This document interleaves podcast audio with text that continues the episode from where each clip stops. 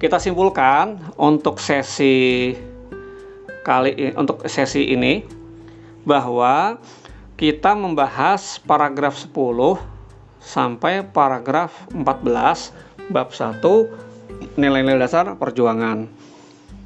Bab 10 oh sorry, paragraf 10 itu bicara tentang konsep ketuhanan ya, sebagai dasar dari agama sebagai pondasi agama. Karena keyakinan itulah yang memang menjadikan agama itu bernilai. Kita tidak bisa diskusi tentang ajaran tanpa mengetahui tanpa selesai dulu diskusi tentang ketuhanan. Nah, di diskusi tentang ketuhanan salah satunya bicara tentang keberadaan. Bicara keberadaan Tuhan, selanjutnya mengarah pada keberadaan uh, masalah sifat-sifat dan nama-nama Tuhan. Nah, terus juga termasuk pembuktian keberadaan Tuhan dan dialektika tentang konsepsi ketuhanan yang sudah bercampur dengan dogma-dogma. Bahwa Tuhan bisa lebih dari satu, bahwa Tuhan tuh bisa bekerja sama, bahwa Tuhan bisa berjumlah sekian, sekian, dan sebagainya. Itu adalah campuran rasionalisme dengan dogma. Dogma itu adalah keyakinan yang sudah wajib harus diterima tanpa rasionalisasi. Salah satu salah satu dogmanya adalah nggak mungkin Anda bisa percaya tentang konsep tiga oknum kecuali Anda beriman pada kitab. Nah, konsep kitab ini kan nggak ini kan ini kan sesuatu yang dipaksakan.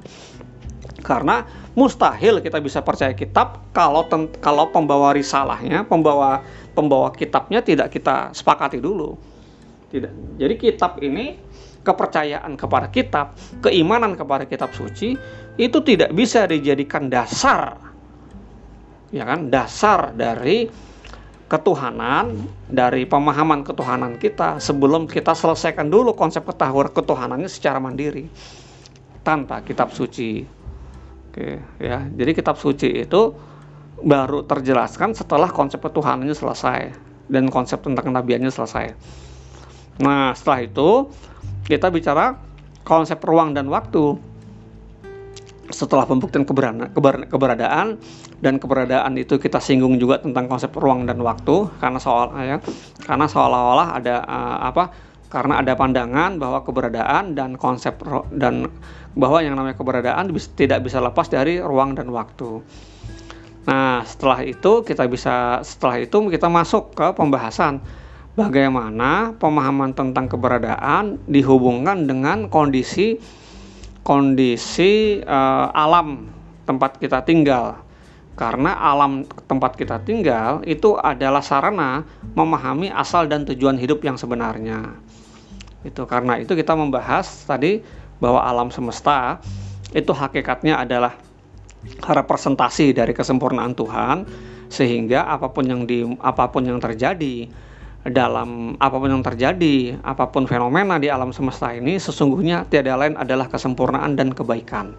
Karena Tuhan itu maha baik, maha sempurna, maka sesungguhnya tiada yang di tiada yang muncul kecuali mengandung kebaikan. Bahasa lainnya mengandung hikmah.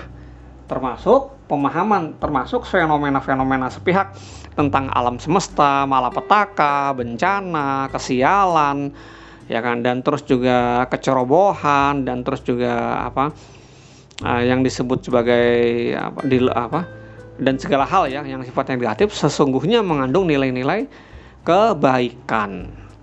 Gitu. Nah, untuk memahami alam semesta kita harus ketat ya kan memahami alam semesta sebagai sesuatu yang real, real dalam artian itu konkret, konkret itu artinya berdimensi materi dan kita juga eh, membedahnya secara objektif. Objektif artinya dengan dengan metode ilmiah. Nah, basis metode ilmiah adalah kausalitas.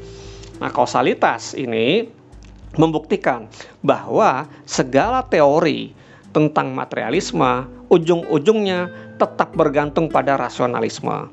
Karena tidak karena semua materialisme, semua paham materialisme itu bergantung pada konsep rasio pada konsep rasional yang tidak bisa dimaterikan, tidak bisa teruji, diverifikasi oleh materi. Gitu. Ini satu bukti bahwa materialisme itu lemah. Nah, dari sana kita juga belajar uh, tentang bagaimana alam semesta itu dimaknai. Ada yang memahami secara materialisme, tadi seperti kita udah bahas, ada lagi yang memahami sebagai sebagai apa sebagai sesuatu yang tidak tidak perlu dibahas karena dianggap kita tidak terjangkau ya kan? Uh, yang tapi pada saat yang sama juga ada yang memahami alam ini ya cuma sebagai refleksi dari ide.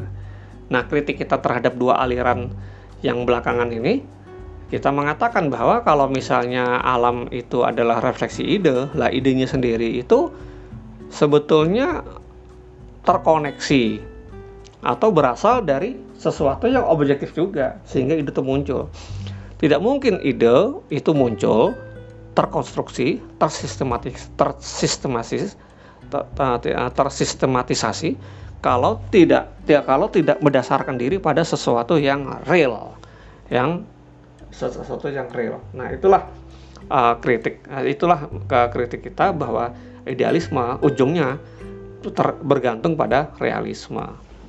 Demikian yang bisa saya sampaikan untuk sesi kali ini paragraf 10 sampai 14. Mudah-mudahan bisa teman-teman ikuti uh, dan kita bisa jadikan sarana kajian teks EDP itu sebagai betul-betul kajian memahami ideologi uh, HMI yang dirumuskan oleh Cak Nur dan juga kita sebetulnya tiada lain bikin kajian ini agar teman-teman itu uh, memahami, menyadari bahwa NDP itu sesuatu yang dekat, bukan sesuatu yang jauh dan tidak terjangkau tapi dia sesuatu yang dekat, yang bisa diobrolkan, bisa direnungkan, bisa didiskusikan, bahkan bisa didebat. Menjadi bagian dari perjalanan intelektualitas dan dinamika kita sebagai aktivis himpunan mahasiswa Islam. Demikian saya serahkan kepada moderator. Wassalamualaikum warahmatullahi wabarakatuh.